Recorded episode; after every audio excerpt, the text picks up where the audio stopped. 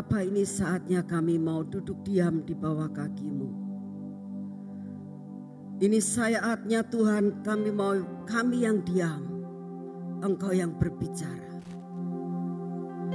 Ini saatnya Tuhan Engkau menembus sampai ke dasar hati kami yang paling dalam. Kau beri kami pengertian. Engkau beri kami melihat apa yang engkau mau. Beri kami boleh tangkap Tuhan. Beri kami boleh mengerti. Dan kami siap untuk menerima semua yang engkau berikan. Berikan kepada kami tanah yang subur untuk mendapatkan akan setiap benih firman-Mu tertanam dalam hati kami. Biar bertumbuh Tuhan sepanjang tahun ini sehingga kami tetap tidak melarikan diri daripadamu tapi tetap kami terus melekat dan melekat bahkan kau akan bawa kami terbang tinggi dengan kendaraan kemenangan. Terima kasih untuk semuanya. Kami mempersilakan Kau Tuhan Roh Kudus bekerja dengan luar biasa dan dengan bebas. Dalam nama Tuhan Yesus. Kita katakan sama-sama. Ya, kok lemes ya? Kita katakan sama-sama. Ayo saudara, tahun ini adalah sesuatu hal yang luar biasa. Saya mau sampaikan selamat tahun baru ya. Tidak ada orang yang mengatakan kepada kita saat ini bahwa kita ini akan tinggal terus menerus di tahun 2019.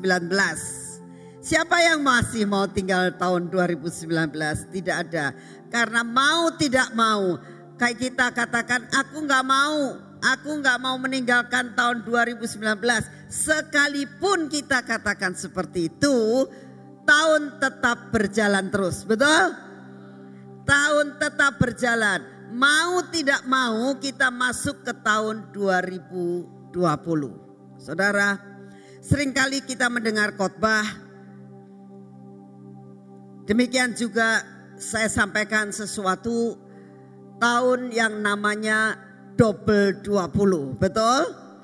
Nah, dan kita tahu kalau namanya tahun 2020 semuanya itu double, semuanya itu dapat dikatakan terjadi perlipat kali gandaan. Double, double, double.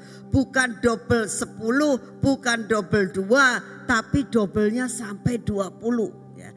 Kalau saudara mendengar akan semua itu, pasti saudara akan mengatakan dalam hatinya, wow luar biasa banget tahun ini. Tetapi saudara, apa yang kita sering hadapi? Bahkan yang kita sering hadapi katanya firmannya selalu mengatakan double 20. Dobelnya bukan dua, dobelnya bukan tiga, tapi dobelnya sampai 20. Wow, tapi kenyataannya yang kita hadapi kaya-kayanya sebaliknya. Oleh karena itu saya ajak pada sore hari ini pikiran kami terbuka. Ya, kita lihat apa yang Tuhan katakan dan kita cerna supaya saya berdoa saudara tidak kecewa dengan janji Tuhan. Amin. Saya rindu, saya berdoa saudara semua tidak kecewa dengan Tuhan selama mengikut Tuhan, selama berjalan di dalam tahun double 20 ini. Oleh karena itu saat saya sedang mempersiapkan khotbah hari ini, saya mengatakan begini Tuhan, sebenarnya apa yang engkau mau? Tuhan katakan, nak kamu ajari praktek. Ya. Kamu gak bisa terus kasih mereka teori kalau kau tidak kasih fakta-fakta kenyataan apa yang sebenarnya akan terjadi, itu seperti orang ngimpi. Ngimpinya bagus, bangun-bangun tetap sama. Seperti seseorang yang sedang diundang pesta. Makan sampai kenyang di dalam mimpi ini ya. Di dalam mimpi. Makan kenyang banget. Sampai merasakan, duh perutku sampai mau pecah nih. Sukacita, ketemu semua orang.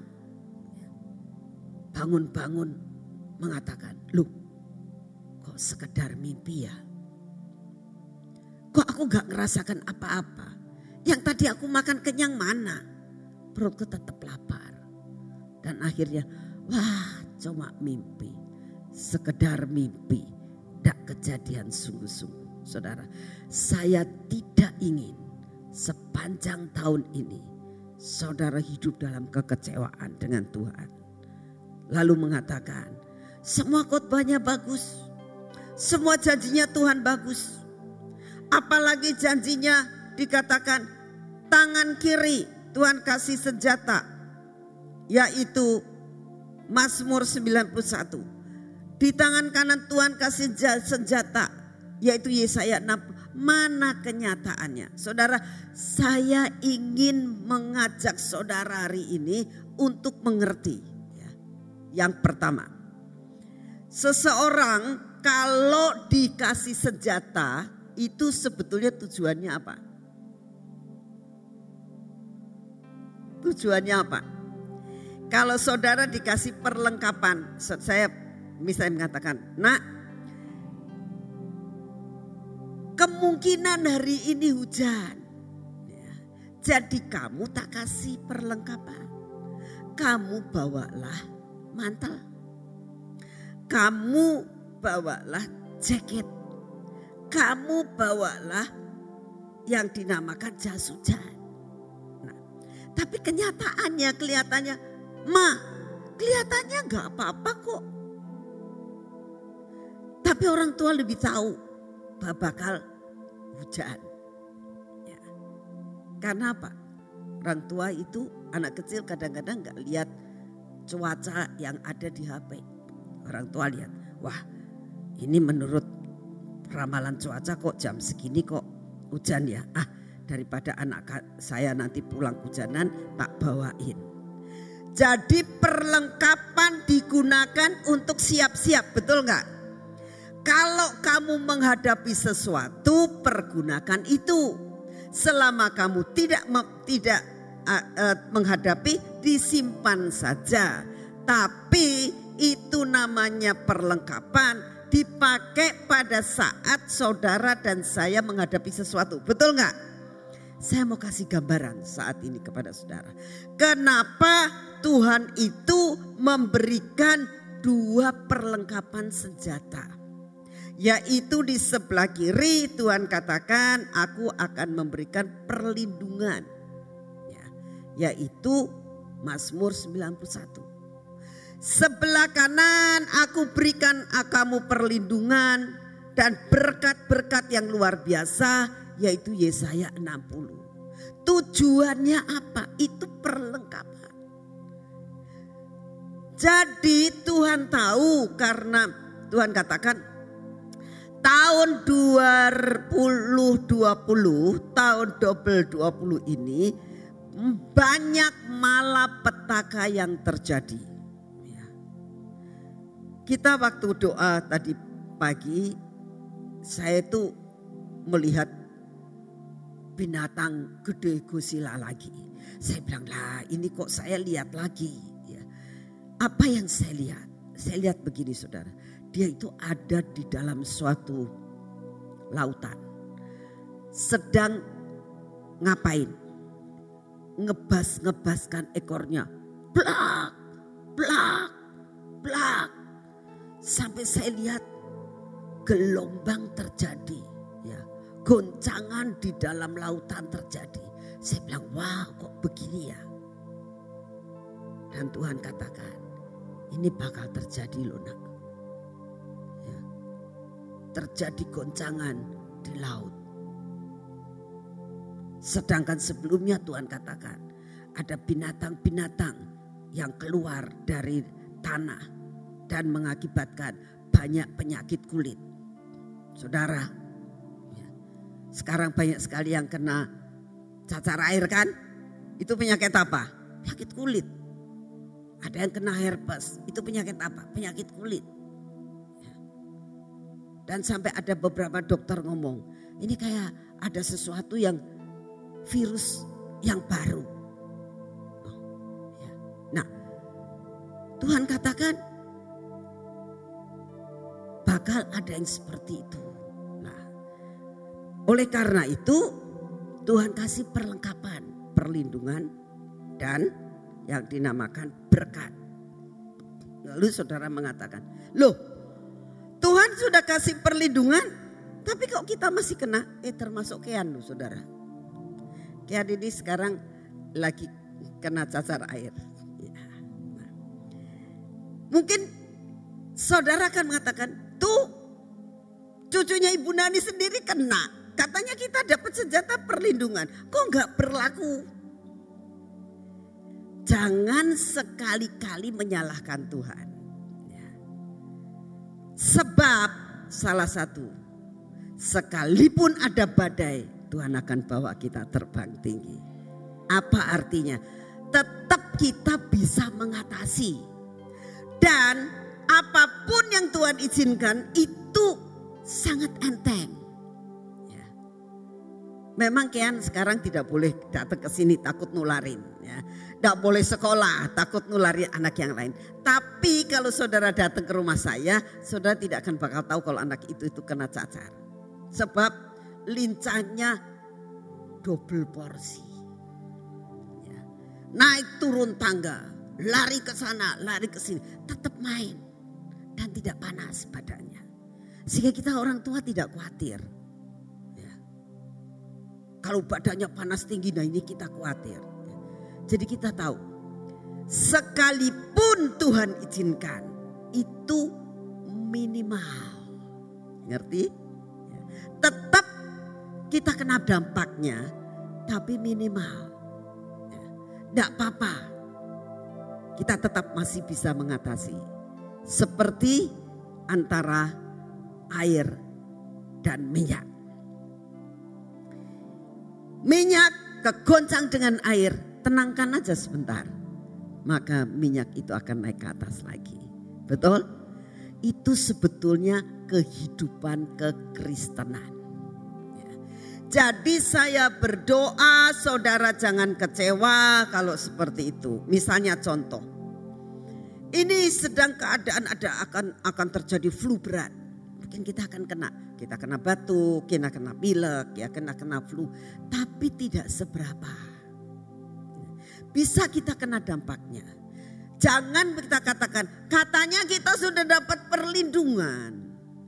Kok kita ngalami seperti ini? Dampak bisa kena, tapi tidak semua kita kena. Tapi satu perkara kita pasti mengalami kemenangan. Amin. Dan cuma sedikit. Dampaknya cuma sedikit. Tidak banyak. Tidak mengakibatkan dekat tergeletak. Ya. Jadi saya mau sampaikan kepada saudara. Jangan kecewa sama Tuhan. Amin. Karena Tuhan sudah katakan kalau kamu diberikan perlengkapan itu pasti kamu akan menghadapi sesuatu. Seperti contoh tadi pada waktu saudara dikasih perlengkapan, lalu saudara katakan, loh kok tetap hujan? Katanya ada perlindungan. Kan seharusnya semua hujan, kitanya nggak hujan sendiri. Kenapa? Nah, itu karepnya kamu, bukan karepnya Tuhan. Kita tetap menghadapi hujan. Yang lain yang nggak punya senjata, yang nggak punya perlengkapan, yang nggak bawa jas hujan, yang nggak bawa mantel, mereka hujanan nggak? Ayo, kalau hujanan bisa bikin sakit enggak? Iya. Tapi saudara punya jas hujan. Punya mantel. Tetap saudara berjalan di dalam hujan.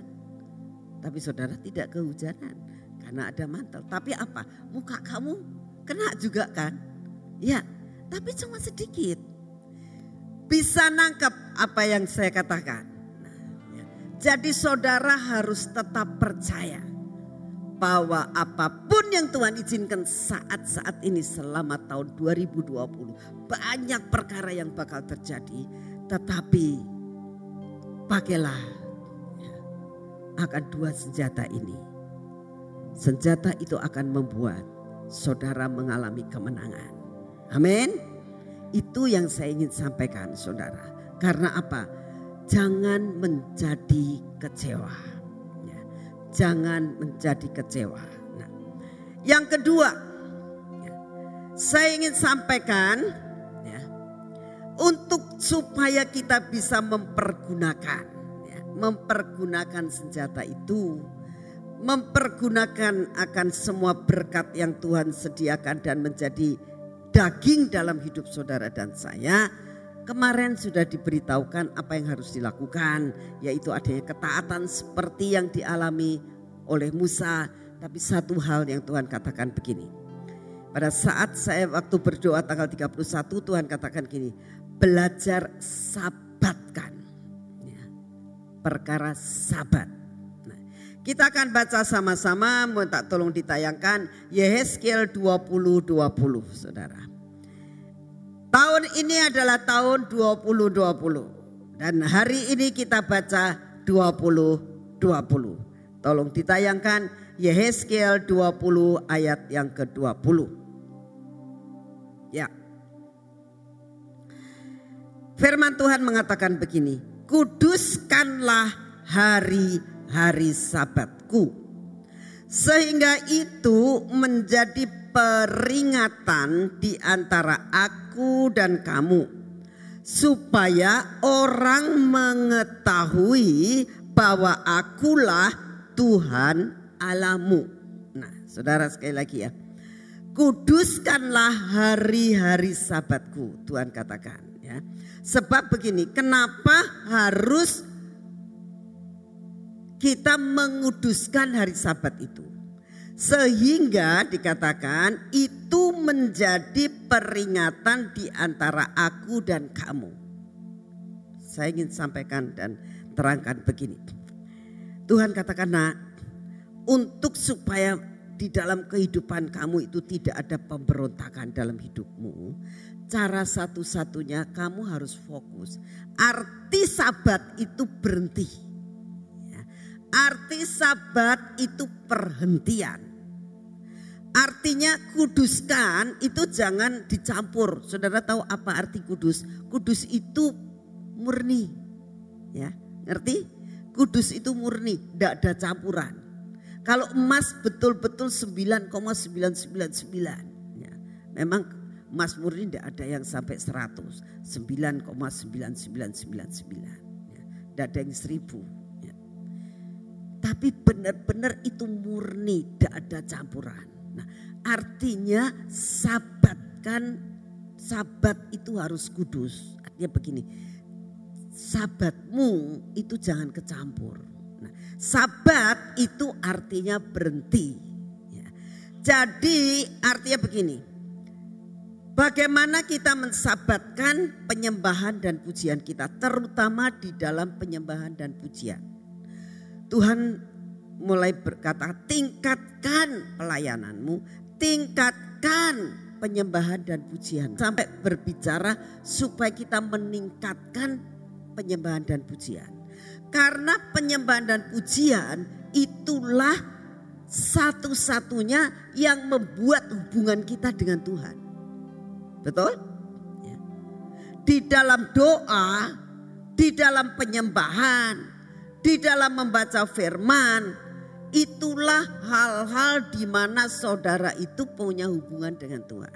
Nah itu harus disabatkan. Berhenti artinya. Dan harus kudus. Murni.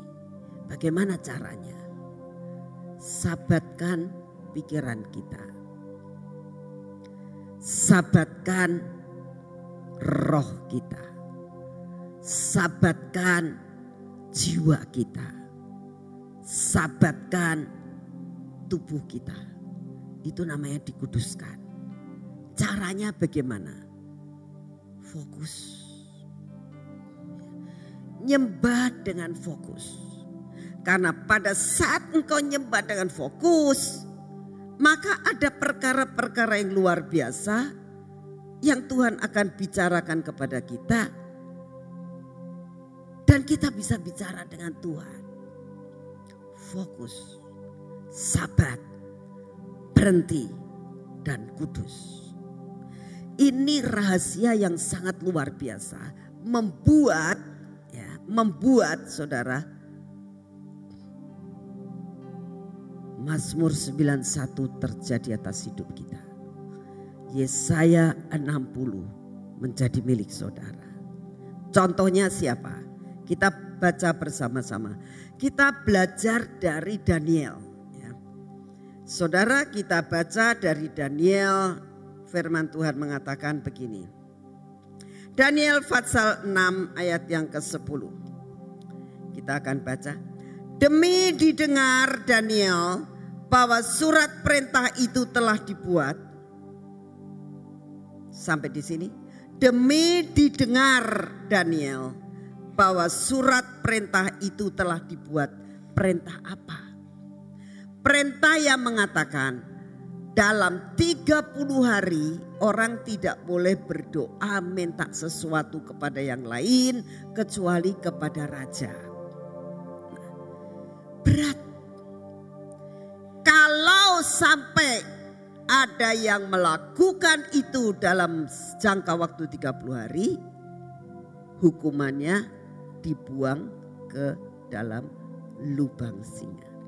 Saudara, ini berita yang berat sekali buat Daniel.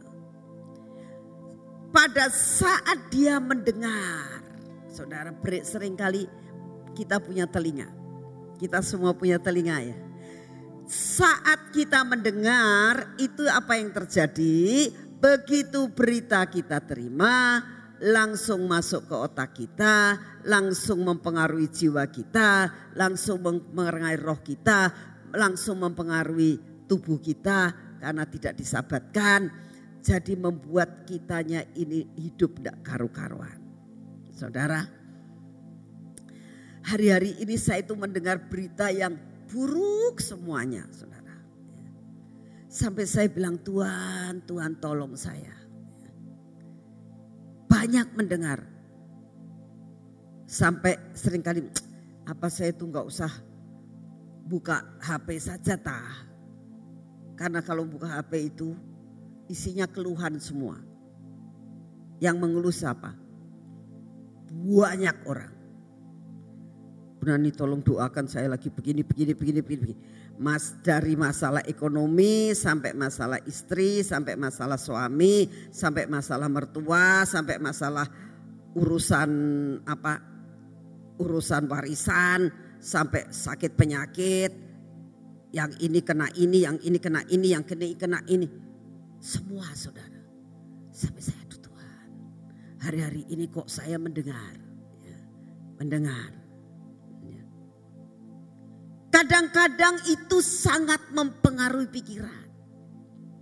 Kadang-kadang itu sangat mempengaruhi jiwa.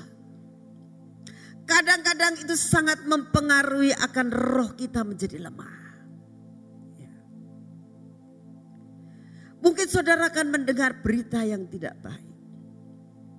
Saat kita sedang, saya sedang pada saat tanggal 1, tiba-tiba melihat, mendengar apa yang terjadi di Jakarta. Duh, saya cuma mikir, wow. Terus saya dengar lagi, Bu, ini kasihan katanya gitu. Ada apa Bu? Ini ada hamba Tuhan. Ya. Sedang nginep di apartemen saya, lantai 43. Sekarang kebanjiran semuanya Bu. Lampu mati, air tidak jalan, listrik mati dan juga telepon mati bu. Jadi HP tidak bisa di-charge. Terus mereka tidak berani turun karena lantai 43 bisa kakinya potol naik tangga tangga apa darurat ya.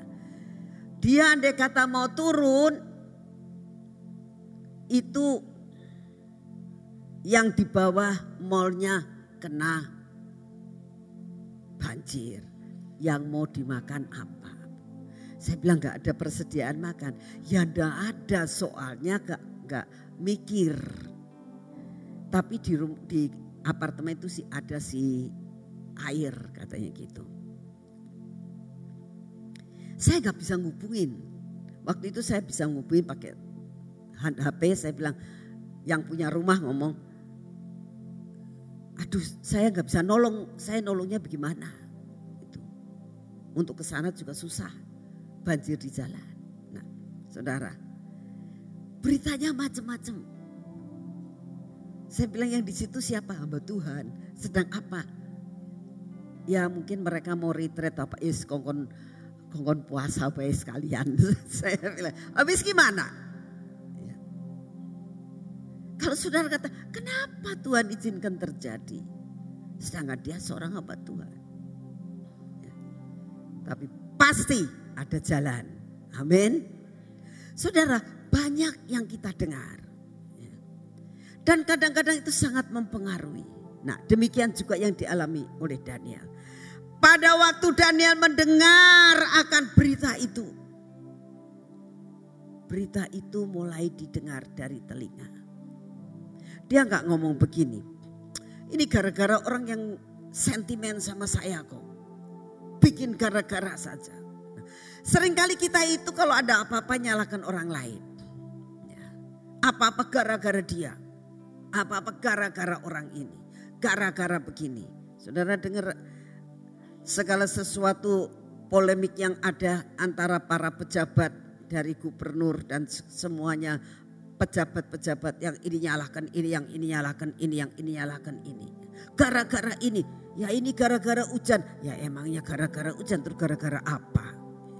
Saudara, sering kali kalau kita mendengar prediksi apa yang ada dalam hidup kita kalau kita mendengar sesuatu kita ya orang ini sakit di rumah sakit. Ya karena salah sendiri sih. Kenapa makannya nggak benar? Nah ya. Kalau dikatakan orang ini sakit, orang ini kenapa? Ya gara-gara dia mungkin uh, meninggalkan Tuhan, jadi Tuhan hukum. Nah, jangan sekali-kali menghakimi orang lain. Jangan jalan pikiran kita dipengaruhi dengan perkara yang tidak baik. Ya. Daniel tidak pernah mengatakan, ini gara-gara orang yang sentimen sama saya. Memang kenyataannya betul. Tapi dia nggak pernah mau nyalahkan orang lain. Hari ini kita belajar. Apa pun yang kita dengar. Apa pun yang kita alami. Belajar seperti Daniel apa yang dialami Daniel. Daniel dikatakan gini. Demi didengar Daniel bahwa surat perintah itu telah dibuat. Daniel gak pergi kepada rajanya dan mengatakan. Dia itu dengan Raja Darius bersahabat. Raja Darius itu sangat cinta dan sayang sama Daniel. Contohnya Dikatakan saat Daniel itu dimasukkan di dalam sumur yang isinya singa. Firman Tuhan mengatakan, semalam itu Raja Darius sedih dan berpuasa. Dia tidak manggil orang-orang untuk suruh menghibur dia. Dia sedih, tapi dia tidak mau dihibur. Ini menandakan betapa dia mengasihi akan Daniel. Dia dekat dengan Daniel. Dia adalah penasehat yang luar biasa. Dia menolong raja setiap kali. Dia punya punya akses. Bahkan Daniel tuh punya akses langsung untuk menuju dan bicara dengan Raja Darius. Tapi apa yang dilakukan Daniel? Daniel tidak mengatakan begini, ini gara-gara aku mau buka sama rajaku. Aku mau bicara dengan Raja Darius. Aku mau bongkar semua kejahatan teman-temanku. Mereka iri sama aku. Tidak saudara. Kalau dia lakukan itu kiranya bisa enggak? Bisa. Tapi dia tidak mau melakukan hal itu. Ya. Saudara, ini pelajaran yang sangat baik dalam hidup kita. Apabila kita menghadapi sesuatu, jangan cepat-cepat cari orang yang bisa menolong.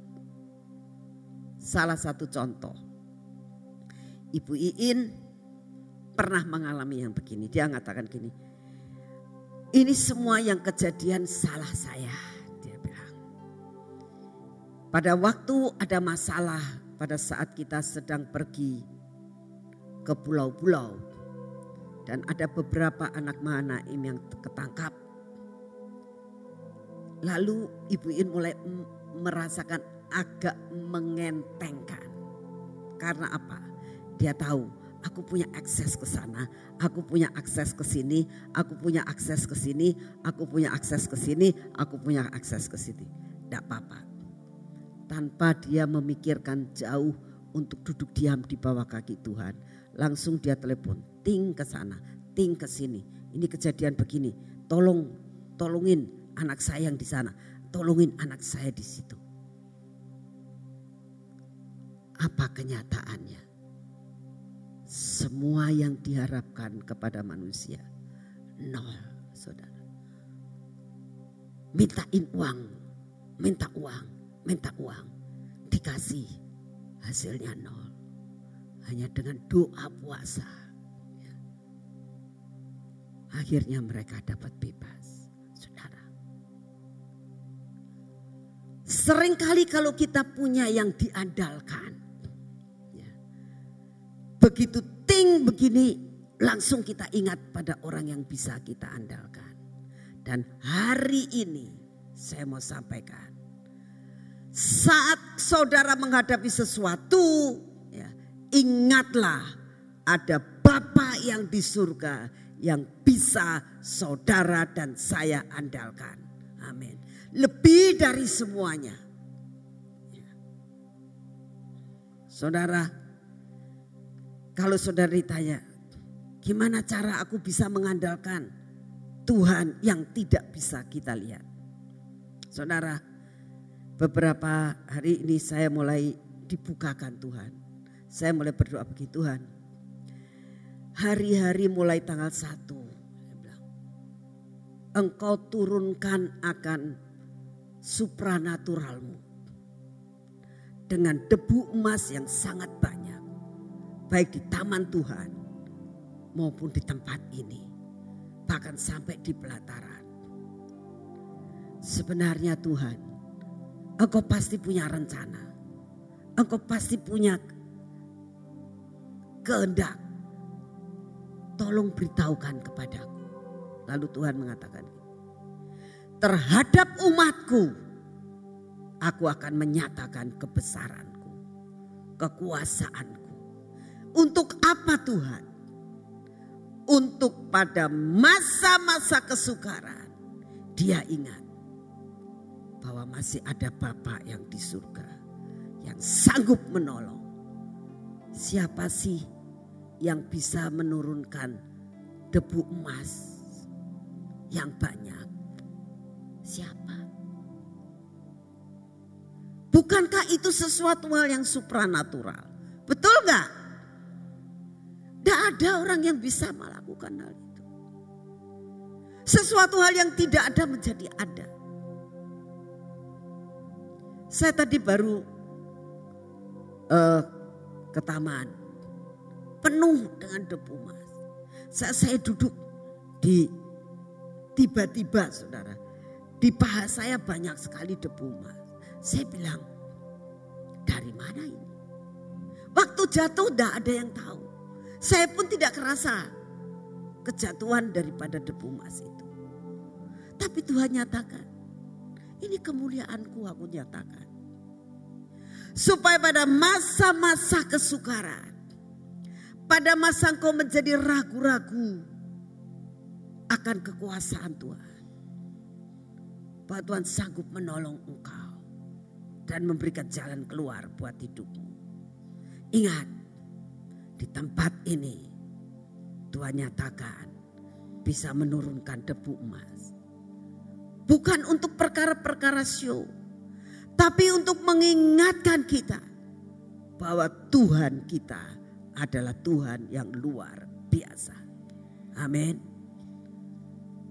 Saya berdoa, saudara ngerti akan hal ini. Ya. Jangan mengandalkan manusia. Jangan mengandalkan orang-orang yang dap, seolah-olah dapat kita mintain tolong. Belajar dari Daniel. Daniel tidak mempergunakan akses langsung itu. Tapi apa yang dilakukan? Dikatakan seperti ini. Pergilah ia ke rumahnya. Apa artinya? Adalah tempat peristirahatan. Ya. Pergilah Daniel ke tempat dia bisa duduk diam di bawah kaki Tuhan. Dikatakan dalam kamar atasnya ada tingkap-tingkap yang terbuka ke arah Yerusalem. Tiga kali sehari ia berlutut berdoa serta memuji Allahnya seperti yang biasa dilakukannya. Apa yang dilakukan? Yang pertama, yang pertama masa-masa dia mendengar perkara yang tidak baik, belajar seperti Daniel. Dia pulang ke rumahnya. Dia tidak pergi jalan-jalan ke mana-mana. Dia tidak pergi ke mana-mana, tapi kembali ke posisinya. Ya. Saya berdoa. Saat saudara dan saya menghadapi perkara-perkara, mendengar berita-berita yang bakal terjadi di dalam dunia ini selama tahun 2020 yang pertama yang saudara harus lakukan, kembali pada posisimu. Bagaimana Bu caranya kembali kepada posisi? Duduk diam di bawah kaki Tuhan. Kembali kepada posisimu. Jangan berontak. Jangan mikirkan yang lain. Kembali pada posisimu. Hal yang kedua apa yang dilakukan? Lalu dikatakan dia berlutut. Apa arti berlutut? Merendahkan diri. Dia nggak nyalahkan orang lain, tapi dia merendahkan diri. Sesudah dia tahu posisinya, Tuhan ini aku. Posisiku lagi kejepit Tuhan. Posisiku lagi dalam keadaan masalah yang besar Tuhan. Aku mendengar tidak boleh doa, tidak boleh baca Alkitab, tidak boleh minta apa-apa. Posisiku kejepit Tuhan. Kembali pada posisinya dan minta sama Tuhan. Berlutut merendahkan diri. Tuhan siapakah aku ini? Kalau aku saat ini mengalami seperti ini. Hanya engkau satu-satunya dapat menolong saya. Cerita setelah itu apa yang dilakukan? Dia berdoa. Dia berdoa artinya apa? Berkomunikasi dengan Bapa yang di surga. Dia mulai berdoa. Tuhan, kau tahu keadaanku. Itu yang dilakukan. Ya. Setelah itu apa yang dikatakan? Dia memuji Allahnya, nyembah. Masih bisa memuji Sedangkan dia tidak mengatakan Tuhan. Aku tiga kali sehari aku selalu berdoa. Mana pertolongan? Bukankah sering kali kalau kita sudah kejepit dan sebagainya. Wes gak usah Tuhan-Tuhanan. Toh keadaannya seperti ini Tuhan gak tolong kok. Bisa saja Daniel mengatakan. Gak ada gunanya aku doa tiga, hari, tiga kali sehari. Dalam keadaan seperti ini Tuhanku tidak bisa tolong kok. Tapi Daniel tidak. Kenapa rahasianya bisa seperti itu?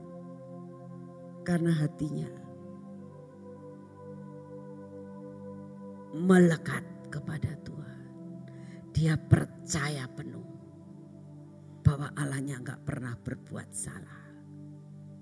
Saudara, dia tidak pernah mengatakan yang jelek terhadap Allahnya karena dia tahu Allahnya tidak pernah berbuat salah.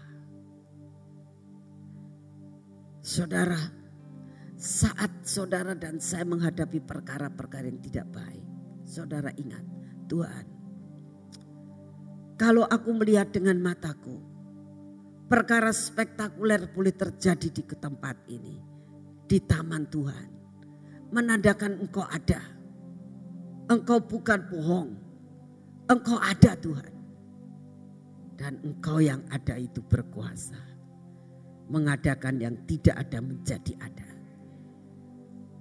Jadi aku percaya persoalanku kecil di hadapanmu. Untuk aku akan kau tolong di dalam segala perkara. Saudara, itu Daniel. Ya. Dia nyembah. Dia mengatakan, aku percaya Aku percaya, saudara. Hari ini saya nggak panjang lebar untuk berkhotbah, tapi saya mau mengajak kita mempraktekkan seperti Daniel. Saya yakin tidak ada saudara satupun di tempat ini yang gak ngalami masalah. Betul nggak? Ada yang mengalami masalah kecil, ada yang mengalami masalah besar. Ada yang mengalami tekanan yang amat berat. Ada yang masih meragukan. Katanya double porsi. Katanya berkatnya melimpah. Aku kok ngalami seperti ini? Saudara, beberapa waktu yang lalu ada seorang yang membuat kesaksian seperti ini. Dalam awal tahun pertengah uh, mau masuk ke akhir tahun sampai awal tahun mengalami banyak masalah, masalah, masalah, masalahnya tidak berhenti berhenti dan yang terakhir papanya sakit. Ya. Papanya sakit, dia jadi ketakutan. Ya. Ini bakalnya aku ditinggal mati papa. Udah ketakutan sekali dia. Ya. Lalu sampai berobat, berobat, berobat dan sebagainya. Dia selalu kontak dengan saya. Saya bilang belum waktunya, wis bersyukur aja. Ya. Tapi apakah Tuhan langsung sembuhkan? Tidak. Sampai suatu saat papanya ketemu sama ngimpi. Ya, mimpi ketemu dia bilang, aku ini kok ngimpi. Ngimpinya ketemu sama orang berbaju putih. Dia bilang. Lalu ngomong, kamu sembuh. Kamu sembuh. Nah, paginya cerita sama anaknya. Aku ketemu orang berbaju putih. Pak itu Tuhan Yesus. Iya, kayaknya Tuhan Yesus. Dia bilang. Dan katakan aku sembuh. Apakah langsung sembuh? Apakah langsung terus tidak berobat sama dokter? Tidak. Tetap berobat sama dokter. Tapi dia percaya kesembuhan terjadi. Dan apa yang terjadi? Lambat-lambat menjadi sembuh. Tetap percaya. Ya. Saya berdoa supaya kita tetap percaya kepada janjinya apa yang dijanjikan Tuhan itu pasti kita akan hadapi dan kita akan alami. Lambat atau cepat. Oleh karena itu sebentar saya ajak semuanya kembali pada posisi seperti Daniel. Ya. Kembali pada posisi kita merendahkan diri dengan berlutut di hadapan Tuhan. Kita mulai berdoa kepada Tuhan. Nyembah. Ngucap syukur. Saya yakin kalau Daniel itu dikatakan memuji Tuhan. Itu tidak ada pengeluhan. Nyembahnya mengucap syukur. Dan hari ini saya ajak saudara untuk seperti itu. Apa dampaknya? Semua sudah tahu ceritanya. Apakah sesudah dia menyembah Tuhan? Apakah dia sudah melakukan hal itu? Terus langsung bebas? Enggak saudara. Bahkan tetap dimasukkan ke dalam lubang singa. Betul enggak? Tapi Sekalipun dia dimasukkan lubang singa, menghadapi perkara kenyataan, dia tidak takut. Karena Tuhan sanggup menutup mulut singa untuk tidak memakan dia. Amin. Saudara di tengah-tengah kita banyak singa-singa. Ya. Iblis seperti singa yang mengaum-ngaum. Wow, wow, beritanya macam-macam, beritanya macam-macam. Tetap berita ada enggak? Tetap ada. Tapi satu perkara, Tuhan sanggup membungkamkan semuanya. Amin. Dalam masalah kehidupan anak-anak yang kamu kalau menghadapi masalahnya. Kok enggak selesai-selesai ya masalahku? Sabar. Pasti selesai. Amin. Pasti selesai. Tuhan kita adalah Tuhan yang tidak pernah tertidur. Amin. Jadi sekarang kita akan masuk dalam penyembahan. Ya. Saya ajak kalian praktek. Kita nyembah Tuhan dengan segenap hati sampai kita berdiam diri kembali pada posisi nyembah Tuhan berlutut artinya merendahkan diri, menyembah Tuhan. Hasilnya nanti saudara akan melihat ada perkara yang ajaib terjadi atas hidupmu. Ya. Tetap menghadapi gak apa-apa. Di balik itu ada perkara yang ajaib. Amin. Siap? Siap? Nyembah beneran ya. Saya rindu untuk kalian ini nanti dalam menghadapi selama tahun ini kalian menghadapi kemenangan demi kemenangan. Hari ini kalau HP di charge, di charge benar-benar sampai penuh untuk menghadapi sesuatu. Amin, amin. Siap? Yuk kita mulai. Anak-anak tetap di sini. Jangan pak, jangan pergi dan menari. Kalian belajar untuk ketemu dengan Tuhan. Semua ketemu dengan Tuhan.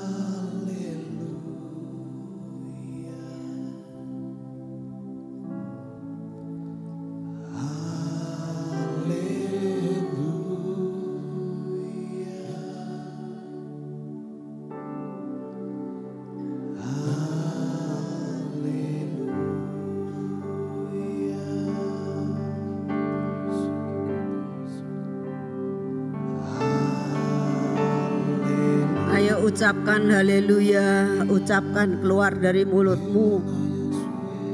Jangan hanya pujian ini dinyanyikan oleh WL dan singer. Saya mau mendengar kalian untuk mengucapkan dengan keras. Ucapkan dengan keras. Sampai telingamu mendengar apa yang engkau ucapkan. Nyanyian ini tidak sukar. Nyanyian ini hanya tentang haleluya. Nyanyikan, ucapkan syukur, ucapkan syukur. Keluar dari hatimu yang paling dalam. Ya Tuhan, kuduskan bibir mulut kami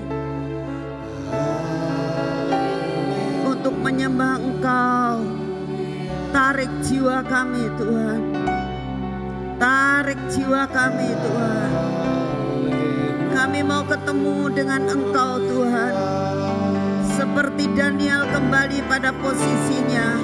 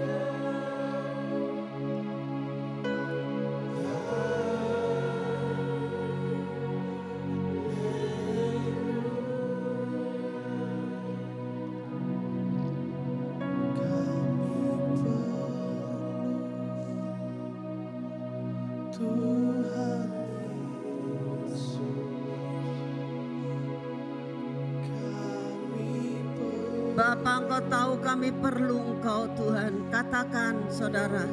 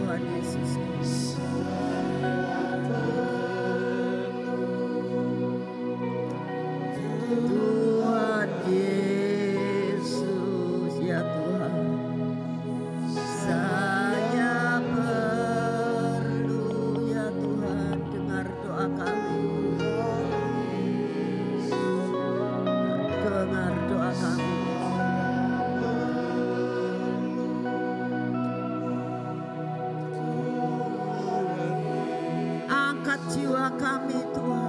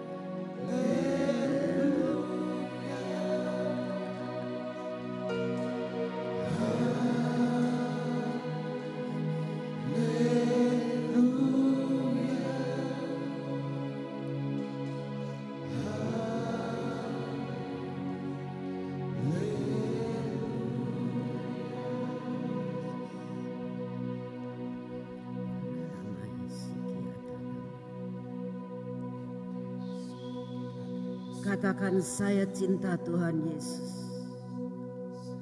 Saya cinta Tuhan Yesus. Katakan keluar dari hatimu yang paling dalam.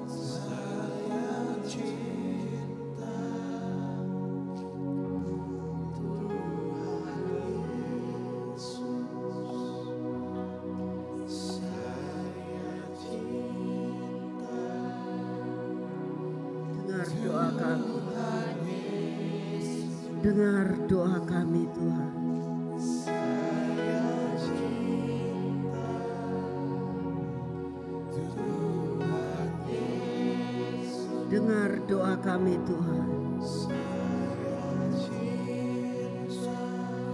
Tuhan dengar doa kami. Tarik kami Tuhan. Kami mau mencintai Engkau lebih dari yang lain. Seperti Daniel Tuhan. Dia tidak mencintai akan yang lain tidak takut mati karena dia cinta kepadamu. Dia tidak takut di dalam menghadapi masalah. Karena dia cinta kepadamu Tuhan. Dalam menghadapi tahun ini. Buat kami tidak takut Tuhan. Karena kami cinta kepadamu. Kami percaya siapa engkau yang memiliki hidup kami yang memiliki masa depan kami.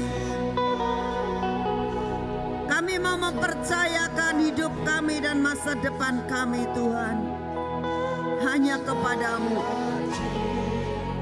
Karena saya kami mau mengatakan. Saya cinta kepadamu Tuhan.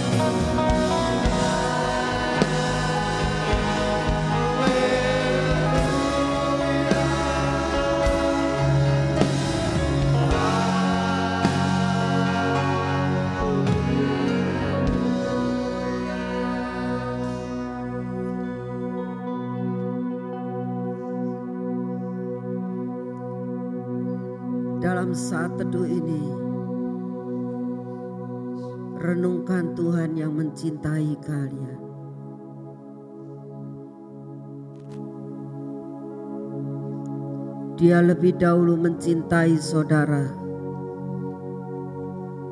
daripada saudara mencintai dia.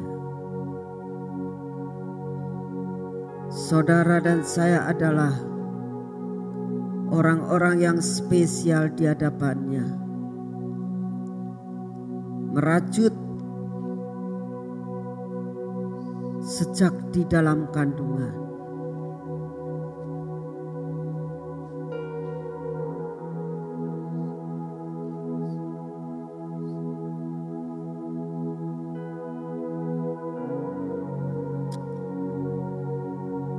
Tuhan Yesus.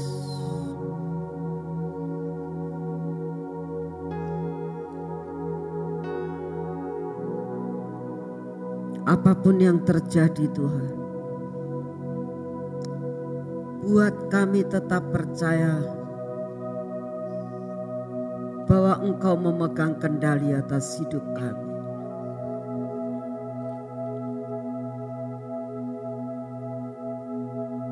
Sekalipun kami belum melihat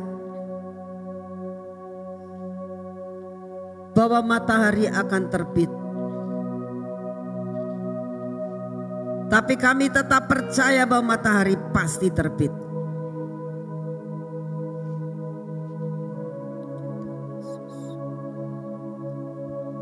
Oleh karena itu saat ini kami minta kekuatan daripadamu. Dan kami tahu kekuatan itu hanya di dalam penyembahan Tuhan. Bagaimana Daniel bisa kuat? Mau tidak mau, dia ditangkap. Mau tidak mau, dia harus menjalani perjalanan menuju ke lubang singa. Tapi kekuatan yang daripadamu membuat dia tegar. Karena dia tahu kepada siapa dia percaya. Buat kami menjalani tahun ini ya Tuhan. Tetap percaya engkau pegang kendali dalam hidup kami. Ujungnya kami akan menang. Dan kami akan kau sediakan kendaraan kemenangan. Untuk kami akan mengalami kemenangan-kemenangan. Mencapai destiny kami Terima kasih untuk malam ini Tuhan. Kami bersyukur untuk semuanya. Engkau meteraikan kekuatan yang kau berikan buat kami. Untuk menjalani perjalanan hidup kami. Dalam nama Tuhan Yesus kita katakan sama-sama. Amin.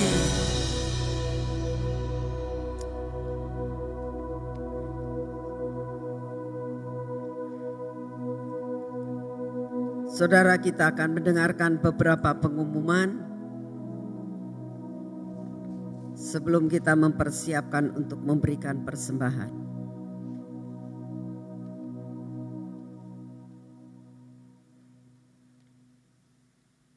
Mujizat bagi setiap kita.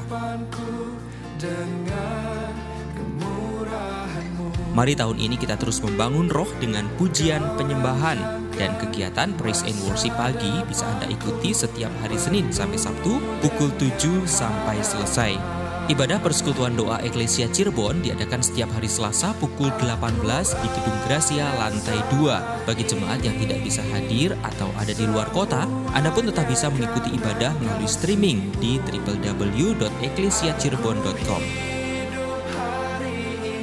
Untuk anak-anak juga diadakan ibadah Sion Kids bersamaan dengan persekutuan doa Selasa.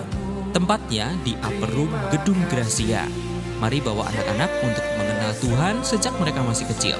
Dan untuk sobat youth, ayo gabung dalam Lifeguard Youth Community dan mulai tahun ini ibadah LG akan diadakan setiap hari Jumat jam 6 sore di Upper Room Gedung Gracia. Ajak teman-teman kalian sebanyak-banyaknya.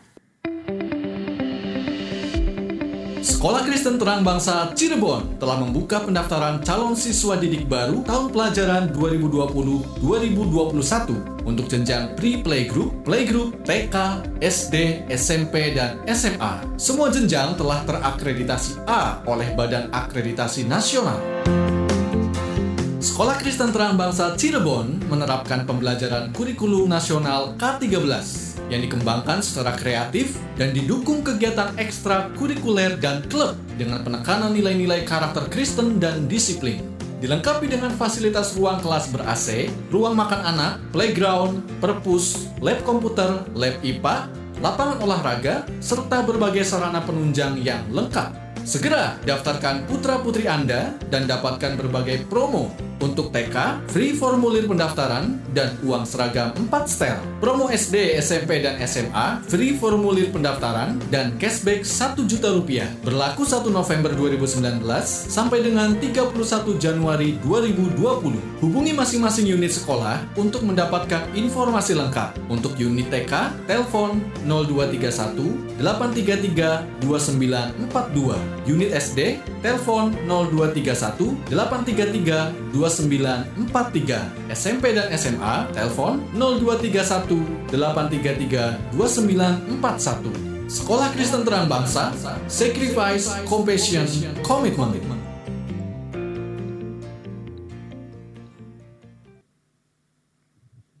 Ya, kita percaya Tuhan akan terus tolong kita. Tinggal nanti uh, minggu depan ditayangkan juga radio masih kurang tuh ya. Uh, sekarang siapkan hati, jiwa dan pikiran saudara untuk memberikan yang terbaik. Hari ini persembahan yang sebagian sebelah kanan saya itu untuk pulau-pulau, sebelah kiri saya untuk persekutuan. Mari bangkit berdiri, siapkan hati. Terima kasih Bapak untuk pelayanan dan firman dan kami boleh berdoa ber, secara pribadi dengan Engkau. Saat ini waktunya kami akan memberikan yang terbaik untukmu. Kau yang terus memberikan kepada kami hati untuk memberi dan berterima kasih. Inilah awal pertama Tuhan buat kami memberikan buah sulung kami untuk kemuliaan bagi namamu. Dalam nama Tuhan Yesus. Amin. Musim terbaik Puncak lawatan semua yang baru sedang tiba. Musim terbaik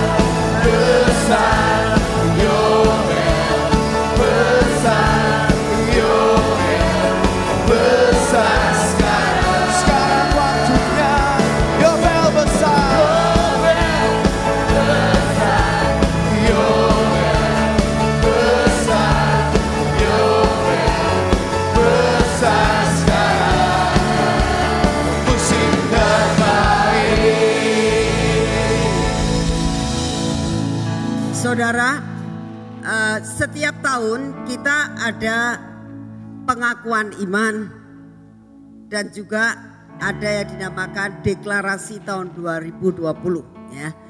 Jadi buat saudara-saudara yang merindukan untuk bisa melakukan deklarasi setiap hari, boleh malam, boleh pagi, disediakan, saudara bisa ambil pada waktu saudara pulang, nanti Asyir akan menyediakan dan saudara bisa ambil. Ini bisa ditaruh di meja, ditaruh di tempat kursi, eh di tempat eh, apa namanya pintu ya, atau di kaca supaya setiap kali saudara itu bisa melihat deklarasi tahun 2020 menjadi milik saudara dan saya. Amin. Ada beberapa yang nanya, ini katanya uh, ada Yesaya 60, Mazmur 91, kok Yesaya 60-nya nggak ada. Sebenarnya Yesaya 60 sudah dicakup di tempat ini. Selain itu, kalau saudara PW setiap pagi, saya sudah bicarakan kepada setiap WL harus nyanyi tentang Yesaya 60. Jadi sudah ada pujian dan penyembahannya ya. Yang kedua, buat saudara-saudara untuk tahun ini adalah tahun kelimpahan 2020 dilambangkan dengan madu. Buat saudara-saudara yang mau mendapatkan madu, belum mendapatkan madu dan belum minum madu ini pada waktu doa 24 jam disediakan di depan asyir sudah siap buat saudara boleh ambil. Saudara boleh langsung minum, saudara boleh bawa pulang ya. Nah, disediakan dan saya minta asyir yang bertugas hari ini mempersiapkan semuanya dan saudara pulang dari tempat ini boleh mengambil yang belum mendapatkan. Amin. Yuk kita bangkit berdiri. Saat saudara makan madu ini saudara katakan Tuhan tahun ini adalah tahun double 20. Kemanisan akan menjadi milik saya dan saya akan mengalami Yesaya 60 menjadi milik kami. Amin. Ya. Bapak kami sebentar akan meninggalkan tempat ini. Kami akan pulang ke rumah kami masing-masing. Kami percaya Tuhan bahwa berkatmu sudah ada dalam hidup kami. Anugerahmu besar atas hidup kami. Kami pulang dengan membawa suatu kekuatan yang baru. Karena kami tahu Tuhan, tahun ini adalah tahun yang luar biasa. Kami tetap akan mengalami kemenangan karena kendaraan kemenangan kau sudah berikan buat kami. Kami akan boleh terbang tinggi bersama dengan kendaraan kemenangan yang kau sediakan buat kami. Di dalam nama Tuhan Yesus, semua berkat-berkat yang terbaik dari surga kami terima pada malam hari ini. Di dalam nama Tuhan Yesus Kristus kita katakan Amin.